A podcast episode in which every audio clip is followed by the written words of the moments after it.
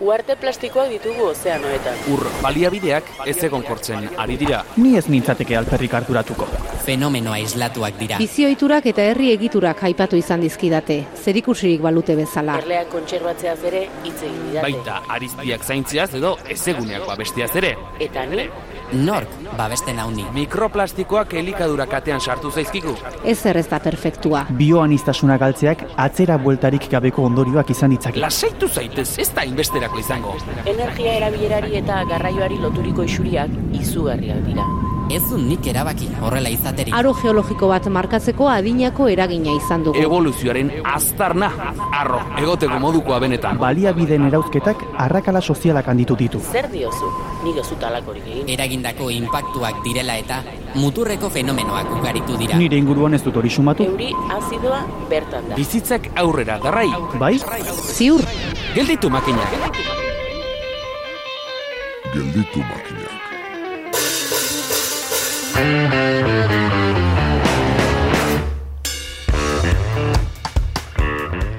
Baduzue katurik etxean?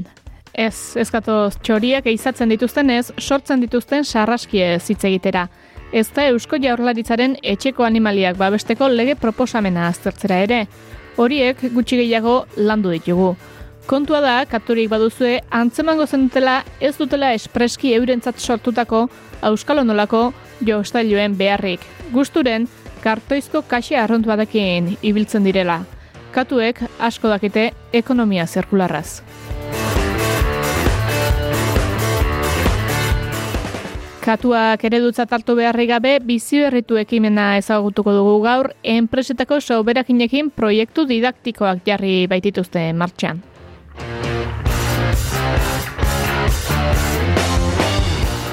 Eta bertatik sarako hiletegira egingo dugu. Hiltegira ez, eh? Hiletegira. Antzina artilea oso baliatua zen gure inguruetan, baina gerora balorea galtzen joan da burua uste bilakatzeraino. Bada Aitor Zubilagak eta Aina Handia Zabalek hiletegia enpresa zabaldu zuten 2000 eta emezortzian. Arantxa idieder izan da bertan.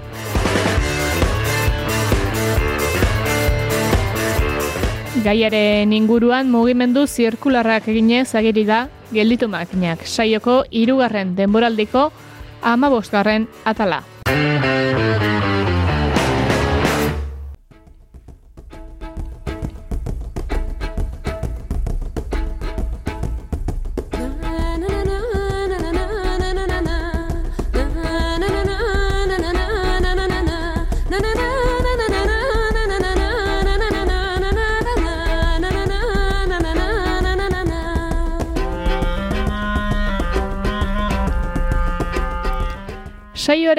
Saioarekin hasi aurretik ordea beste sarrera bat ere egin nahi dugu, zeren sormena etengabeko aldaketa bada, Euskal Autonomia Erkidegoko gailurrak sormenez beteak daude, energia sortzailea izateko plana tramitatzen ari baitira Eusko Jaurlaritzan. Eskala handiko zentral eolikoak eta zentral solar fotovoltaikoak eraikitzeko hainbat kokapen hautatu dituzte eta sinistazue ez dira bat eta bi. Hiru lurraldetan hirurogeita hamar inguru dira eta jaurlaritzaren hauei gehitu behar enpresa pribatuek sustatzen dituztenak edo jada eraikita daudenak. Gure antza jolas parke eoliko fotovoltaikoa izateko bidean jarri nahi da. Gaur ez diogu honi helduko iritsiko da modua eta unea, baina jakinaren gainean behintzat egon gaitezela.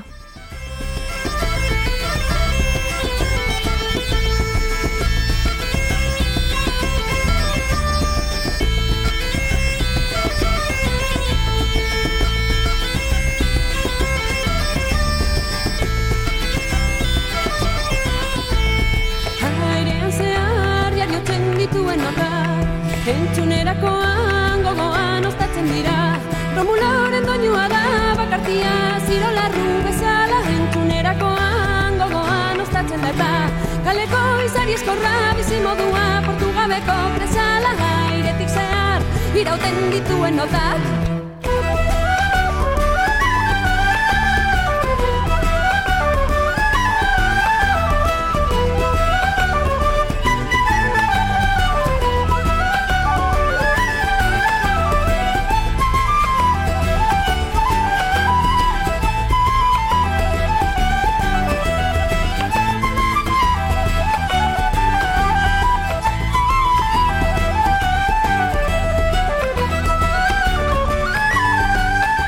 Materialek ematen dizkiegun baino bizitza luzeagoak eta ugariagoak izan ditzaketela ikasia gaude. Askotan, berriagatik ordezkatzea erosoagoa bada ere. Denean bezala, imaginazio eta ilusio pixka batekin proiektu ederrak sor daitezke eta horren adibide da bizi berritu. Eta zer den bizi berritu? Larraitz esnaolak azalduko digu, telefonoz bestalde dugu eta ongi etorri larraitz. Kaixo, muy esker.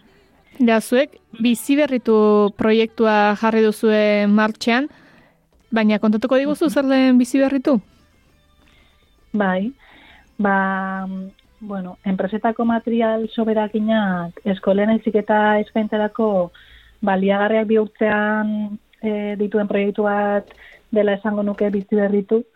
E, hau da proiektu honekin, hau da bizi berritu proiektuarekin e, enpresetako soberakinei beste bizitza bat ematen diegu, ez? E, aldi berean eskoletako bizitzaien, profesionalen, e, aurren eskuetan jarriz, e, alde batetik e, bueno, berrera bilpen mundu horretan sakonduz, ez? E, e, bazkenean zaborretara doanari beste bizitza bat emanez, eta bestetik eskoletan dagoen materiala edo egun izan den material hori berrituz, e, eta orain arte erabili izan den hori zalantzan jarriz.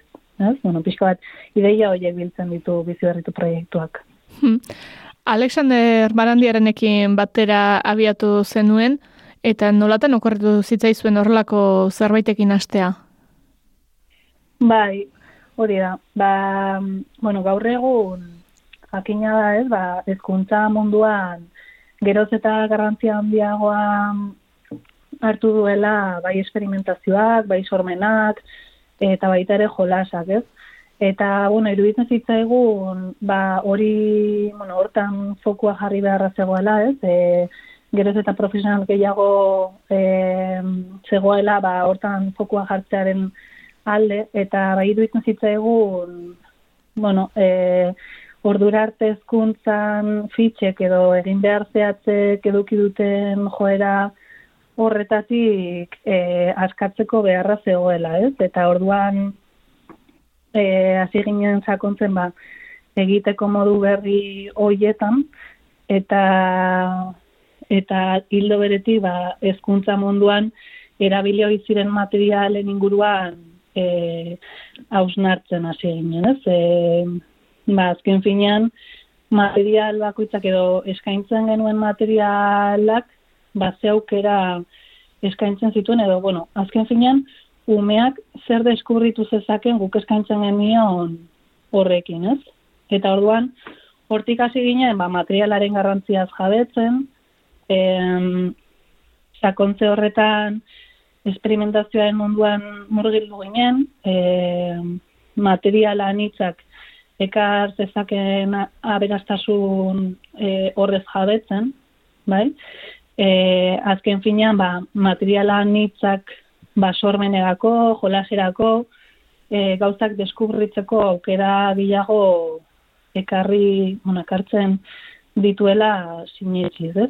Eta orduan ikuspegi horri helduz, em, bueno, ba, konturatu ginen em, material anitza eskainiz gero eskoletan, ez? Ba, umei edo gaztetxoe baita ere aukerak zabaltzen genizkiela ba, mundu fisikoaren inguruko ezagutza garatzeko eta hortan sakontzeko aldi berean. Bai. Alako ikerketa abian jartzeko izan duzue eskola zehatz batzuen laguntzarik edo zuen e, zentroetan ibilizarete hau garatzen? Bai, e, bueno, hasi ginen, hasi batean, bai izan zen gehiago, ba, e, hausnarte lan bat, ez, edo txiko bat, e, hortan fokua jartzea, gero bai gure aldetik ibili ginela, ba, praktika moduko batzuk egiten eskola zeak batean, eta aurreko ikasturtean, 2008-2008 ikasturtean egin genuen biziberritu proiektu pilotu bat, eta biziberritu proiektu pilotu horrek bai eman zigun aukera sortzi eskola desberdinetan bai paturiko ideia hauek txertatzen juteko. Sartuko gara pixka bat e, lortzen dituzuen materialetan, gero ikusiko dugu zertarako baliatzen diren eta ze ekintza proposatzen dituzuen, baina esandakoa materialetan lehenengo hori egietan sartuz behintzat, e, nondik lortu dituzue materialak, ze material mota dira, e, zer irudikatu beharko genuke? Bai, da, bueno, materialen jatorria edo, e, kasu honetan bizi berritu proiektuak, bai, aipatu dudan bezala, fokua baita ere jartzen du enpresetan, ez? Enpresetan zaborretara doan material horretan. Bai, hau da, bai, iruditzen zaigu material anitza edo berrera bila oso interesgarria dela e, experimentazioaren mundu onta sakontzeko, baina kanso hontan bai jarri dugu fokua e, isoataratago, hau da, enpresak sartze, sartze horretan. E, azken finean guk hitz egiten dugu, bueno, harremenetan jartzen gera enpresa e, anitzekin, e, proposamena egiten diegu ba, proiektuan parte hartzeko, eta eta interesa dirazten diguten hoiekin ba, lanketan azten gera. E, lanketa egiten dugu, ba, aztertzen dugu ea beraiek zen material laukaten, eta horren arabera, ba, elkarlanerako aukerak baloratzen ditugu. Bai, e, ikusten dugu, ba, zen material daukaten, eta ea, e, hausnartzen duguna da, material horrek ze eskaini dezaken, ez? Edo ze saiatzen gara aurre ikusten material horrek e, material horrekin umeak zer deskubritu alko luke. Eta hortik abiatzen gara. Eta oroar jasotzen dituzuenak zer nolako produktuak izaten dira? Ba, egia zen, e, irikiak egoten gara eta oso material anitza izan daiteke e, ez dugu zehazki material, zehazkera normalean juten material zehaz baten bila, baizik eta e, juten gara ikustera ea zer dagoen, ez? Eta, eta, eta ariketa hori egiten, ez? Zer, zer ekarri ezakin material horrek edo ze, ez? zean iztasun eman diazeioke proiektuari edo ze aukera eman di eman ditzake, ez? Hmm. Eta orduan, bai epatuko nuke irekiak egoten gerala, e, eta gustatzen zaiguna dela enpresetara joan, eta bakoitzak dituen materialak e, ikustea, eta baloratzean, ba, hori, ea material bakoitzak zeukera eskaini alko lituzke. Eta horren arabera, ba, material batzuk aukeratzea, edo, edo bueno, ba, beste batzuk akaso ez aukeratzea. Eta behin enpresetara ipatu duzu zuek joatzen zaretela ikustera zer laukaten zerrez, e, aukeratuko bazen dute bertako produkturen bat edo, nola iristen dira zuen ganaino materialak, bidalketa handi bat egiten dizuete, edo atale zatal joten dira sobran dituztenak ematen? Bai, ba, bueno, enpresekin harremana horren arte guk egin dugu, e, azken finean proiektua e, garatzen joa, ez? Orduan nahiko txikitik e, hasi gera eta orduan orain arteko harremanak guk egin ditugu. Egia da proiektu onditzen doan inan akaso beste e, bueno, beste harreman batzuk edo beste egiteko modu batzu heldu beharko diegu, baina orain arte oso gertuko harremana izan da eta hori asko gustatu zaigu. Enpresekin gertuko harreman hori edukitzak ere proiektuari beste bueno, beste izaera bat eman diolako, ez? Eta, eta bueno, ba, goz, haiek izan dira zuzenean guri materiala eman digutenak, eta gu izan gera zuzenean beraien gana joan geranak, eta, eta material hori jaso egonak. Demagun, bizi bidea egiten dugula, legia joan gara enpresa batzuetara, ikusi dugu materialak zein diren, eurek ere, euren soberakinak eman dizkigute, eta behin material hori eginda, Nola iristen da aurren ganaino? Eraldatu egiten dituzue eta aurrekin proiektuak sortzen dituzue, e, bere horretan eskaintzen dizkezue, nola, nola eskaintzen dizkezue aurrei? Ba, egia da material batzuk, edo gitzapen batzuk eskatzen dituztela, e, adibidez, eman, zizki, eman izan dizkigute e, kona moduko batzuk e, aria biltzen, bildu, bueno, biltzen diren kono antzeko batzuk, eta kasu horietan ba, e, batzuetan, bai, ba, aria kendu egin barra guztiz, edo horrelako gitzapenak egin behar izaten ditugu.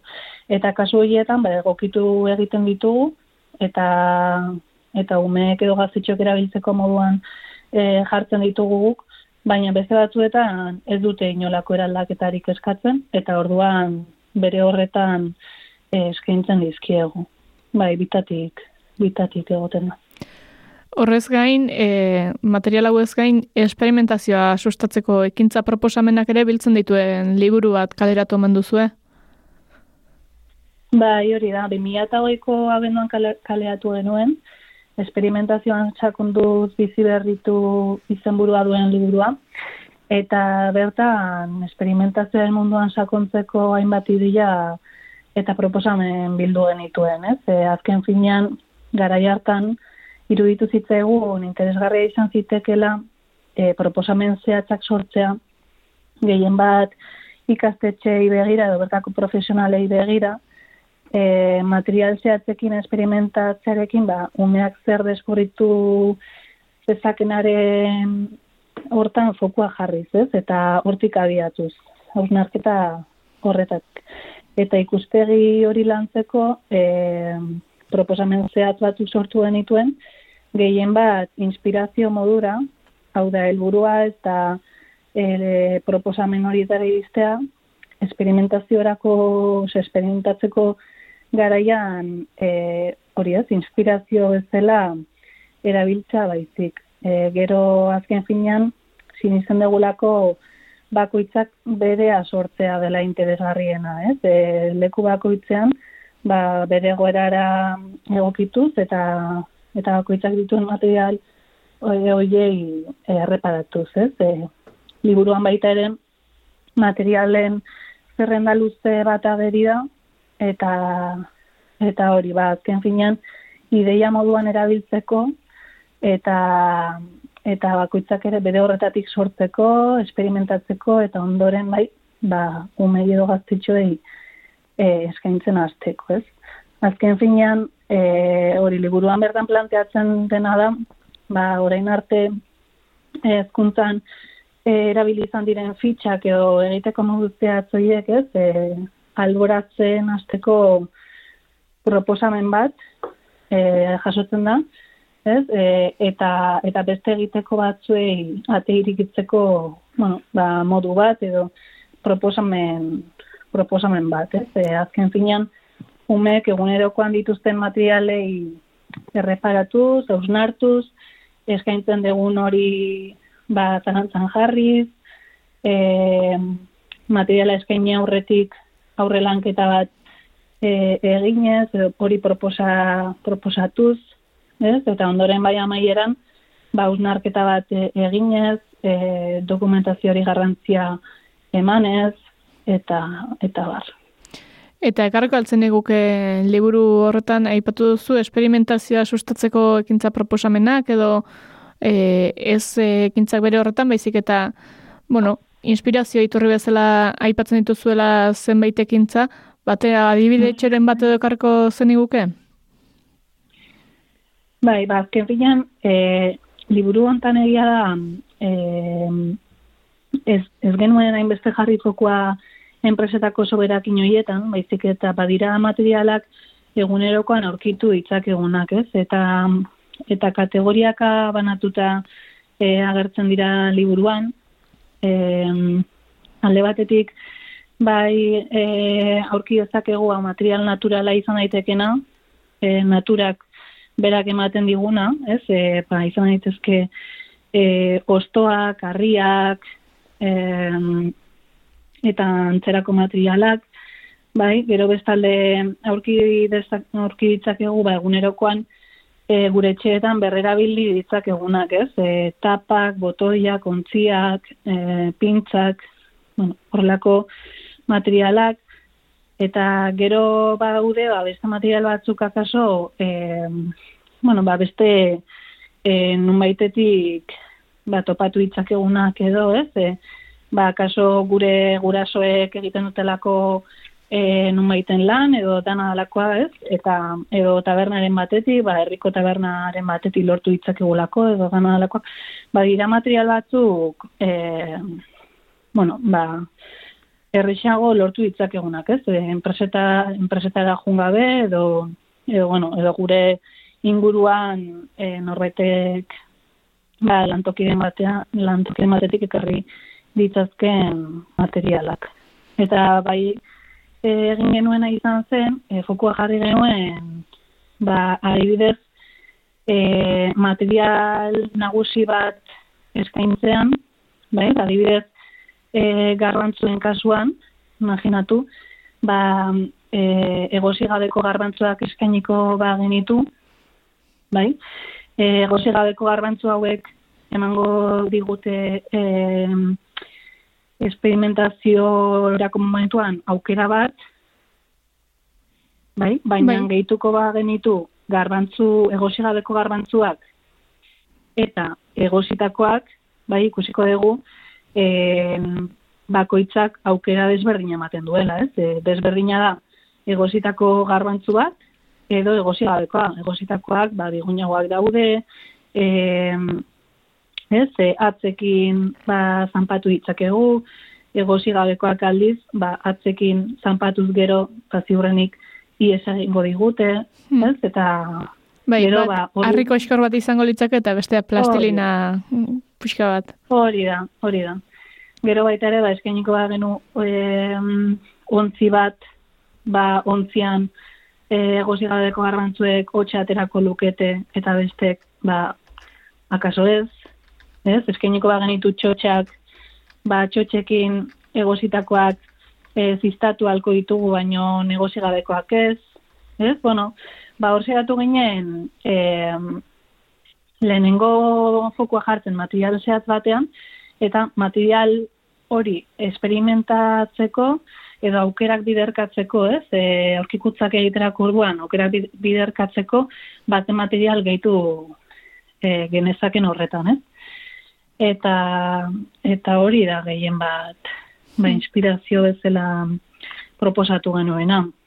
Ero haude ideia desberdin pila bat eta material desberdin pila bat, eta eta aratago joatea proposatzen dugu, ez? Bakoitzari sortzen zaion eh horretara. Mila aukera daudelako, ez?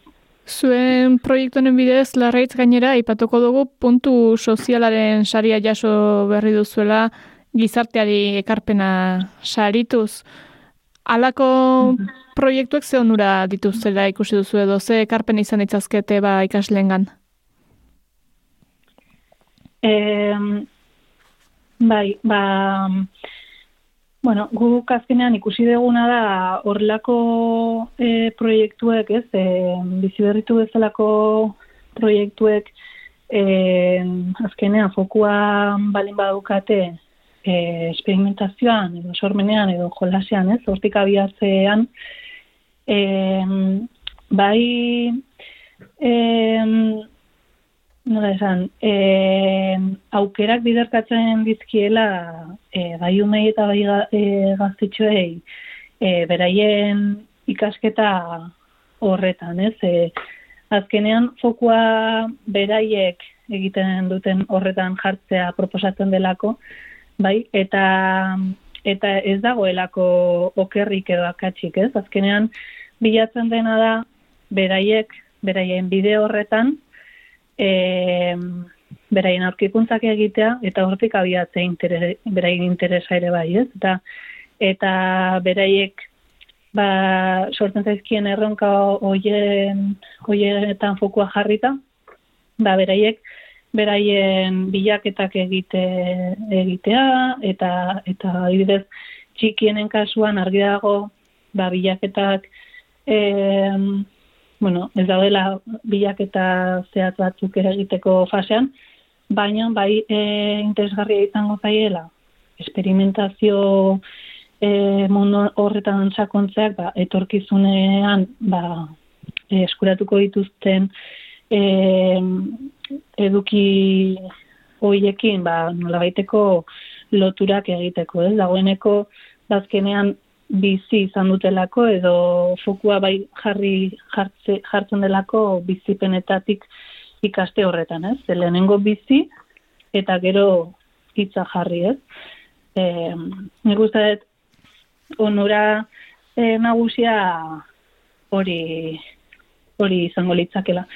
Gero egia da em, ba, enpresen eta eskolen arteko zu- zuilanak egiteak ere, baina ikaslei enpresak gertu dautik ezagutzeko aukera ematen, ematen dizkiela, ez? E, azkenean, ba, material desberdinak ezagutzeko aukerak, em, e, gero hildo beretik, em, ba, berrea hilpenaren kultura edo ideia horietan sakontzekoak, ez?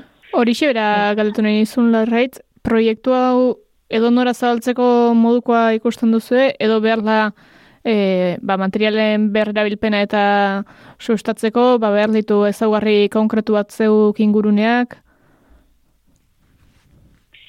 Ba, uste dugu gaur egun e, proiektua ba, bai, zabaltzeko modukoa dela, gero egia da, ba, leku eta gora bakoitzean ba, balaratu egin barrarko litzakela, ez? Eta, eta ikusi.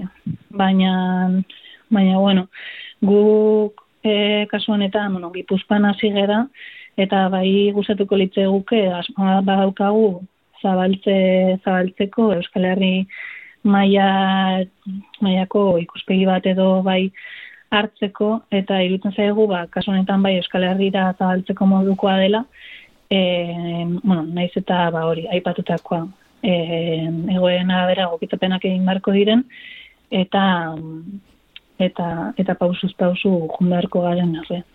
Hor ere esperimentazioa jarri beharko dugu abian eta imaginazioa eta ilusioa baliatu. Ba, eskarrik asko larra hitz ez naola, gurean izateagatik, bizi berritu proiektua, proiektua gurera ekartzeagatik, eta ikusiko dugu zer bide egiten duzuen. Bai, mi esker zuei, azkenean horrelako proiektuak zabaltzeko aukera emateagatik, eta eta hori da, ikusiko dugu, ea nora eramaten gaituen bideak. Eskarrik asko larra hitz. Gelditu makinak.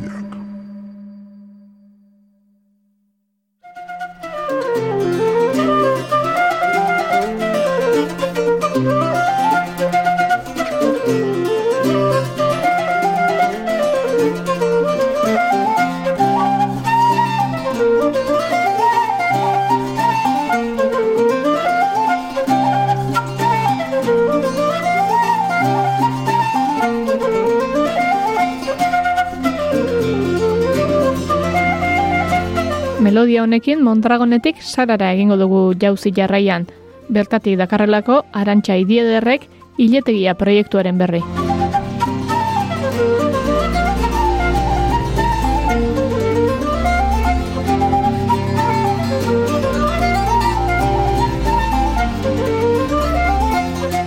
Ni naiz uh, Añan Jazabal, uh, ogoita amairu urte ditut, istantian ogoita malau, eta orduan uh, be, xarako naiz, xaran bizi, uh, iletegiaren uh, sortzaileetako bat uh, naiz.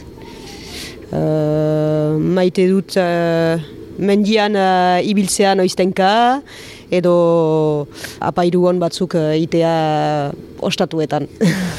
Ados, eta bo, ordan uh, iletegiaren uh, sortzaile, biskat hortara ere heldu baikira gaur uh, unat, ebe saran baikira zuen uh, be egoitzan, eta um, erran duzu, uh, zu sortzailetariko bat zira, bizizte hemen, iletegia sortu zenuten uh, 2000 ama lauan, edo behintzat hortik abiatu zen proiektua, konatzen iguzu, biskat, uh, nundik etorri zen ideia, zagit mendietan promenatu zardiak ikustean uh, gertatu zen, edo... Ebe, uh, nire waiko sozioaren uh, ideia izan da. Uh, aitor, uh, deitzen da, nire sozioa. Uh, bi mila amale uh, be etorri zen nire gana, uh, be artilia uh, uh, transformatzeko eta valorizatzeko uh, ideia ikin. Uh, hemen uh, baitzen uh, ardi hainitz baitzien, uh, orduan artile sama handi bat, baina ez ginoen uh, fitxik ikusten, ez ginoen ikusten uh, be, uh, lanik horrein uh, inguruan, eta azkenean uh, problematika bati erantzun bat uh, ematea zen uh, lehen ideia. Ikerketa batzuk zituen eta ikusi zuen askifite be, bakarrik zaila izanen zela. Eta orduan be, torri zen ere gana dokumentu batzuekin, zeiten alzen artilaikin eta olako, olako gauzak eta ados nintzen, baietze nion eta hasi ginuen hola gure, gure proiektua lehen uh, urratxa izan zen uh, diakitea zeiten alzen uh, emengo hartxileakin. Ez baita bertzeak bezala, ez da merinoa bezain fina dibidez. Hor, uh, baliatzen ditugu uh, manesak eta nafarroako ahazako ardiak, orduan uh, voilà, lan egiteko bertze manera bat zen, testatu behar zen, eta orduan uh, pitiaka pitiaka gero uh, be, uh, urte pasata daitzen dena kuvez d'entreprise batean uh, be, testatuta aktivitatea, be, uh, enpresa muntatu dugu uh, 2000 emezortzian.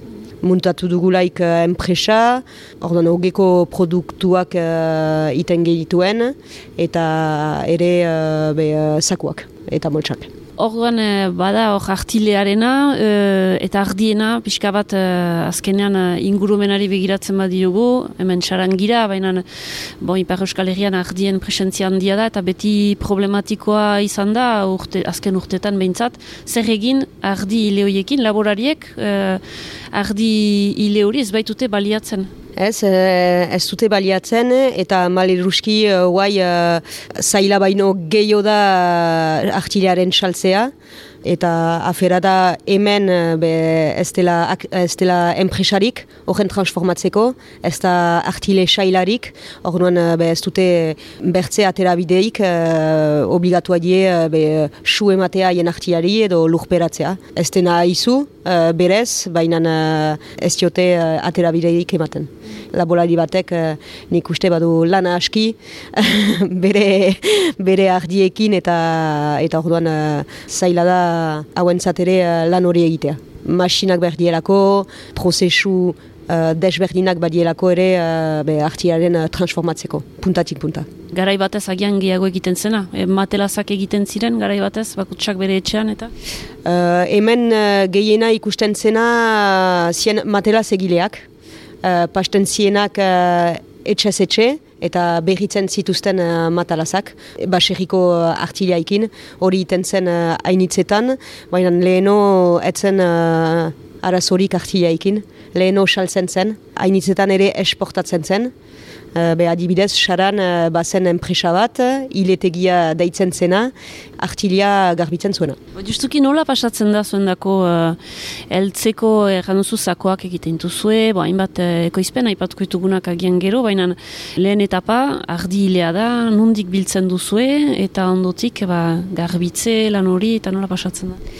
Orduan uh, guk uh, ardi moste denboran, uh, edo ardimoste egunean, joanen gira basegira, eta hor, hasten dugu gure lehen lana, ze uh, ejan nahi baita bere isketa lana. Ardi baten artilian ez baita dena baliatzen ahal, badie zati batzuk uh, adibidez feltratuak dienak, eta hauek uh, garbitu eta uh, garbituta ere ez, ta, ez dena lantzen, hor uh, olako uh, zatiak botako ditugu. Eta gero, be, hartuko dugu behar dugun artilea, ona dena, eta eramanen dugu uh, garbitzera. Zati bat uh, garbitzen dugu uh, overnean, eta bertze zati bat uh, kastia hile honen. Zuek eguri ezin duzu egin? Uh, ez, ezin dugu. Azteko uh, masina uh, gotorak berdie. Guti gora bera amak uh, tona biltzen ditugu urtean, eta amak tona garbitzeko berda urzama handi bat, eta ez da, ez da asmatzen, teknikoa da. Eta gainera uh, legaldi aldetik, artilea abereen produktu bat delako, uh, badie be, uh, lege batzuk, be, uh, debekatzen diguna, adibidez garbitzea hola zeren uh, ura behar da, uro berena errekatik aldu da, baina kaptatzeko ura behar da berdie, uh, bai baimenak berdie, eta gero uh, urak ere tratatu berdie, gero, eta urak tratatzeko ere be, uh, berdie uh, bai baimenak eta, eta estrukturak. Amartona urtean guti gora bera, uh, somat basegitan etxaldetan ibiltzen zarete? Gutxi gora bera uh, ba, amak amabortz uh, baserri. Batzuk uh, Ipar Euskal Herrian eta bertze batzuk uh, Nafarroan, adibidez uh, Nafarroako ahazaren artilia erosten dugu Nafarroan, eta gero uh, manesa buru beltza eta buru gojia Ipar Euskal Herrian, edo saran, edo urepelen, uh, depende, uh, voilà. Baditu ze azkenen urtero ber, uh, zakit, bezeroak edo jatorriak beti berdinak dira, ordan, beti ber uh, etxaldeak? Uh, entxatzen gira bai uh, etxalde berdinak uh, izatea, uh, aitorrekin egan ginuen uh, berdin uh, lehemisik, uh, Uh, lan egiteko kondizioak eta respetatuak bazien, ongi uh, lan egiten bat ginuen uh, baserri batekin, pentsatzen ginuen, be, ongi zela baserri hori beden uh, artilaren problema uh, pitiat kentzea haien burutik. Gero badi batzuk uh, be, erretretara gaten dienak, eta orduan oi, uh, be, baserri hoi uh, be, kentzen da gure uh, ornitzailetatik, eta entzatzen gira bertze bat atxematen. Uda berriko lana duzu episkat, ez? Hori da, hile mostea ardientzat uh, uh, gara jortan egiten baita? Uh, bai, maiatzaldean uh, hainitzetan uh, iten ardi mostia. Ba, orduan hemen gira saran, egan bezala zuen uh, iletegia enpresa untan, uh, bon, badira makina desberdinak, badira joste tresnak, eta ekoizpenak, orduan uh, zer, uh, egan duzu, astapenean, oerako uh, ekoizpenekin hasi zineztela, uh, zer egiten duzu eberaz? Uh, orduan uh, egiten ditugu uh, matelazak uh, lehengo munduan. Oituratuak garen uh, bezala, uh, gure uh, aitatxi eta etxean zien matelazak be, ber teknika erabiltzen dugu eta egiten ditugu. Inen ditugu ere lumatxak edo bururdiak, estalkiak, be, loiteko. Inen ditugu ere uh, be, adibidez zakuak. Tela fötratua badugu eta orduan uh, zakuak inen ditugu. Tela egiteko berda aria, orduan izanen dugu ere aria, salgai, tela salgai ere eta artile napa. Eta musean aritzeko ere baduzu dena? Hori da, e, muntatu ginuen e, mus joko kita bat, hoi horrek izi erriongi martxatzen du adibidez e, egu berriko oparia iteko. Horrez gain, beraz hori da zuek ekoizten duzuena, eta zuek beraz saltzen duzuena, eta beste, beste entzat ere lan egiten duzu. Uh, bai, bestentzat lan iten aldugu, bai itugu adibidez uh, uh, bi masina artilia transformatzeko, horna izanen da hilea jotzeko bat, eta gero uh, karda bat. Karda horrekin uh, guk uh, estalkien uh, barna iten dugu uh, karda horrekin, eta hori iten aldugu ere uh, be, uh, laborarientzat edo artilia duten uh, profesionalentzat. Eta ternua enpresarekin adibidez ere uh, lan egiten duzu? Uh, bai, adibidez uh, ternuarekin uh, lan egiten dugu, hor egiten du guai uh, urte batzuk, hai garela hauekin, eskatzen gaituztena, die uh, artile napak, Uh, ordan paltoak egiteko, izanen da nahi bauzu uh, estalki, estalkiak bezala, bahna artile uh, napaz osatua, eta palto eder batzuk egiten dituzte.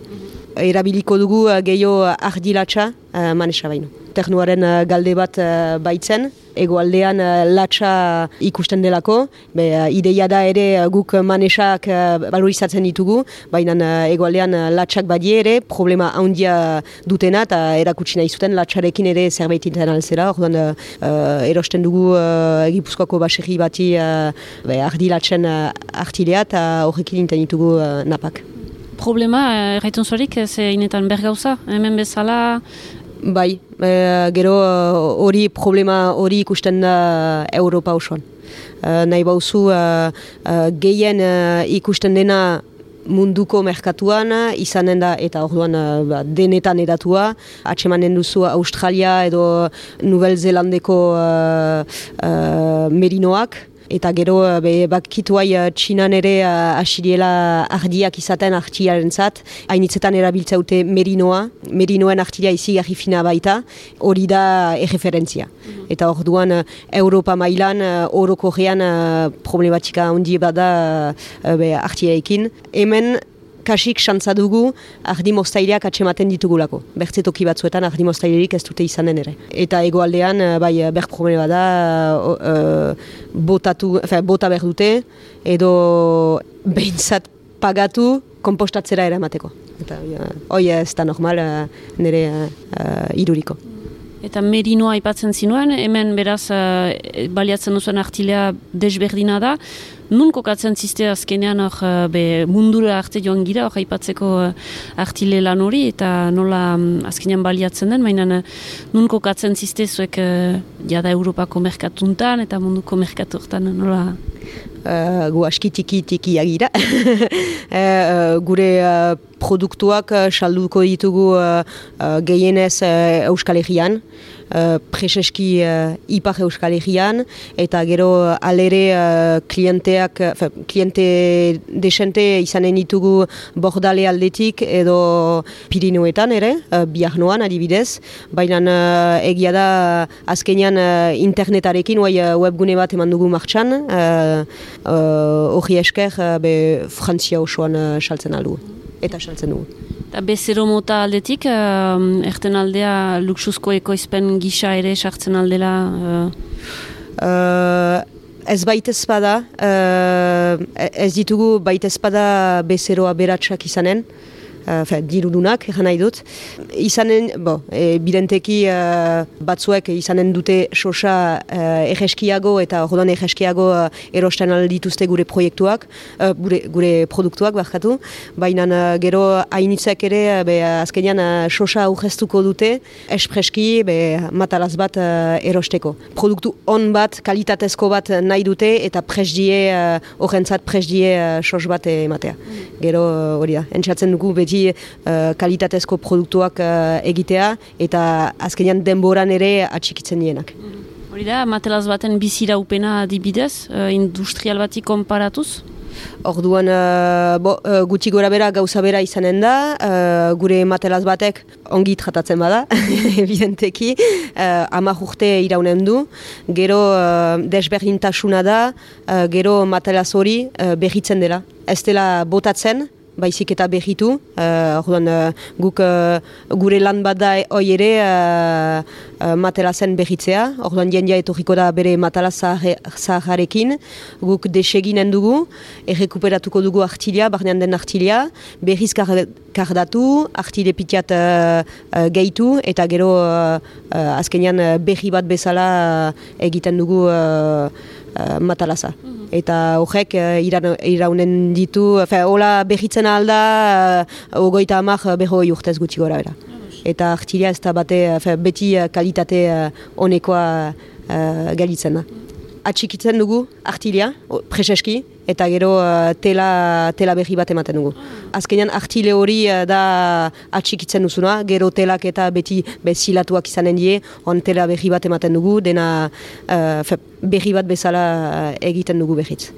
Azkenean uh, artile sama hori ez duzu pagatuko, uh, matalaza egitean, orduan uh, ogoita amak urtez, hola uh, ondarkintegira eraman gabe zure matalaza, uh, behitz uh, egiten. Ba, proiekturik, uh, geroari begira, nola, nola arizizte, beti egitmo berean segitzeko gogoarekin, edo? Uh, bai, gero nahi ginuke, uh, evidenteki hor, uh, ogeko produktuak uh, pitiat uh, zentratu, hogeko produktu, produktuetan, guai matalazak iten ditugu, matxak estalkiak, baina iten ditugu ere uh, bidaiako matalazak eta olako, uh, olako produktu batzuk. Uh, ba, ideia da momentuz hortan uh, zentratzea, dena iten baitugu uh, iletegian berian, uh, adibidez aria egin, egin arazi behar dugu, uh, tela egin arazi behar dugu, ez, ez ditu lako waindik uh, masina aski, baina uh, egia da dena zuzenean itea guretzat ere uh, seurtasun bada hori uh, ikusiz uh, presioak uh, nola goiti gaten dien uh, edo zein uh, uh, gauzetan, hori ditake uh, gure helburua. Eta uh, evidenteki gero salmentak ere uh, haunditzea. Gero bizizte ez duzu sobera saldu behar ere? Bai, bigira, gutxi gira, baina uh, gogoa delaik uh, egiten da.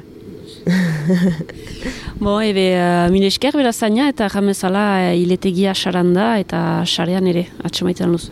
Bai, hori da, badugu Facebooken hori uh, bat, iletegia daitzen dena, eta gero uh, gure webgunea uh, nahi baitu zue gure produktuak ikusi. Baina, mile esker, eh, Mile esker zuri. Gelditu makinak, naiz irratian, elipagolarekin.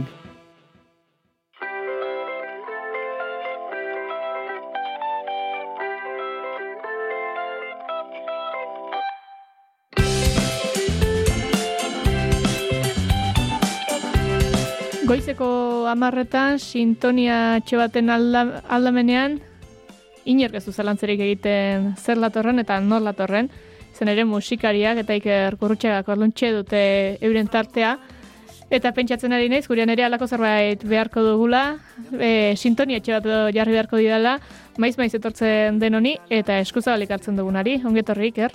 Arratxaldeon. Berlin. Tira, gaurkoan musika gomendio bat eskatu dizu, gaurkoan ere, eta xuxen xuxen bete duzulakoan nago. Bai, bueno, gainera eh, aurrekoetan ere ez, herriari eta horrela egin dugula tartetxo bat, orain hori otartu ez zaigu, eta Mikel Marquez gurea dela ere esan dezakegu kasik kasik, ez, ez, ez, horretako da, errantereko da, eta gainera eh, ez esanari kontrakorik, eh? hori argi uzten baitu. E, bueno, e, bere kantuetan normalean maitasun kontuak eta horlakoak izaten dira, baina, jo, e, ez dakit propio edo nahi gabe ingo zuen, baina kantu honetan e, badago, atzeko mezu bat. Eta berriz ere, bori, ba, ba, nik uste, ba, propio egin da dagoela, ez baina. Orduan, berak ere, hogei bat dut izango zituen, kantu hau egin edo gutxiago. Eta ikusten zuen, zer zetorren, eta ze bizi modu mota zetorren, eta berak, ba, zorionez bestelako bat aukeratu du, eta bestelako batetik bizitzeko gai izan da. Zemen esaten du, ez, kantuaren hasieran, bueno, esango dugu, ez, eh, baina berdin dio, eh, ez dakit, baina berdin dio, baina berdin dio maite ditzen den kantua. Ez, baina berdin dio. Baina, ba, baina berdin dio kantuan, hasieratik esaten du, ez, arrizko galtzaretatik, asfaltozko autobidera, gizakiaren bideska, izan da beti bera.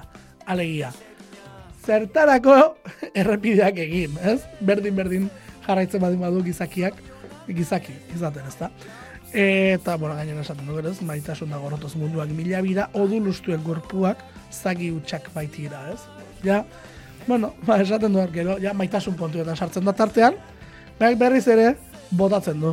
Jendea presa hundizua, baldu helbururik, bizitza agudu egin behar da, ez dago denbora galtzerik. Ez? E, hor, beste mezu mezu zuzen bat, eta eta gero, e, bueno, ei lagunago isilik arazotan izango ez bestela, ibili denen modura izan denak bezala. Artaldean hobeto, ez?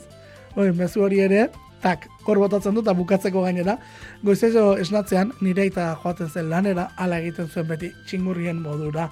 E, bota ditu hor kapitalismoaren kontrako eta progresuaren kontrako hainbat mezu, eta batez ere hasiera esan dut, ba begira, ez? E, zenbat diru xautzen dugun errepide eta azpiegitura makroetan eta gizakiak gizaki esaten jarraitzen duela eta horrez dagoela atzera bueltarik. Entzun egingo dugu beraz Mikel Marquezen, baina berdin dio.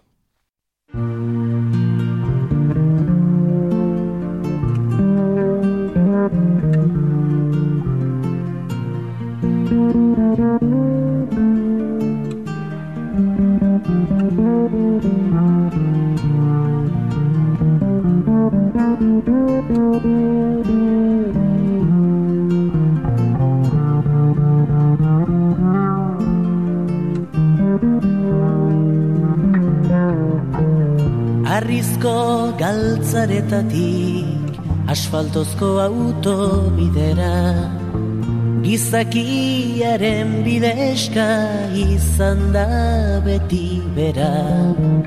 Maitasun ta gorrotoz munduak mila bira. Odolustuen gorpuak zagi utxak baitira.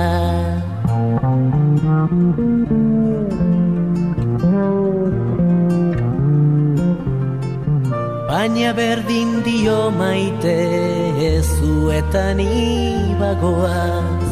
Denaren gainetik ikure bakardadearen Zoriontasunean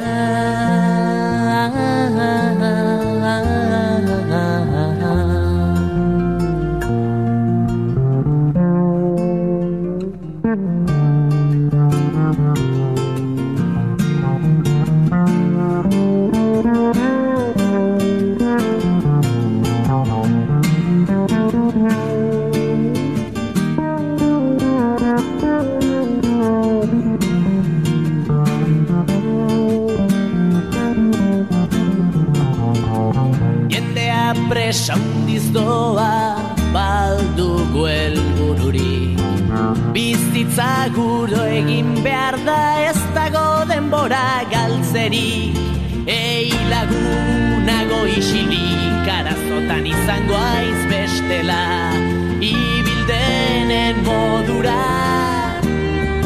Izan denak bezala baina berdin dio maite Zuetan ibagoaz denaren gainetik gure bakardadearen zoriontasunean. Zoriontasunean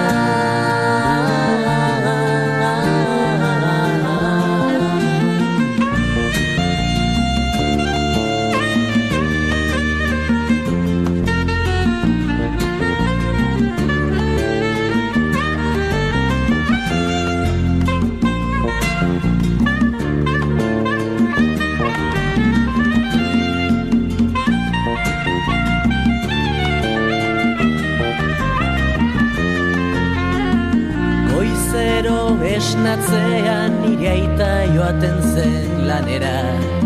Ala egin zuen beti txingurrien modura.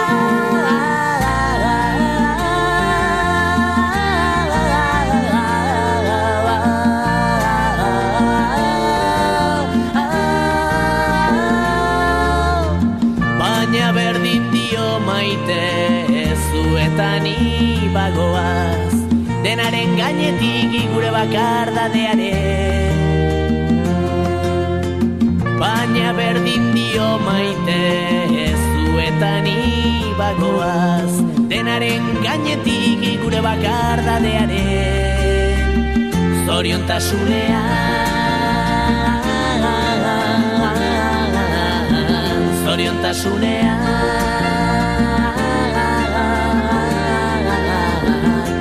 Zoriontasunean Zoriontasunean Bada, pixka batean bueltaka izango dugun kantua, eh, Iker? Hortxe, burguineko atzeko parteren batean edo bueltaka geratzen den horietako bat. Hori da. Ba, eskerrik asko ekartzeagatik eta horren artea, gotuko zaitut. Zuri. Aio. Aio.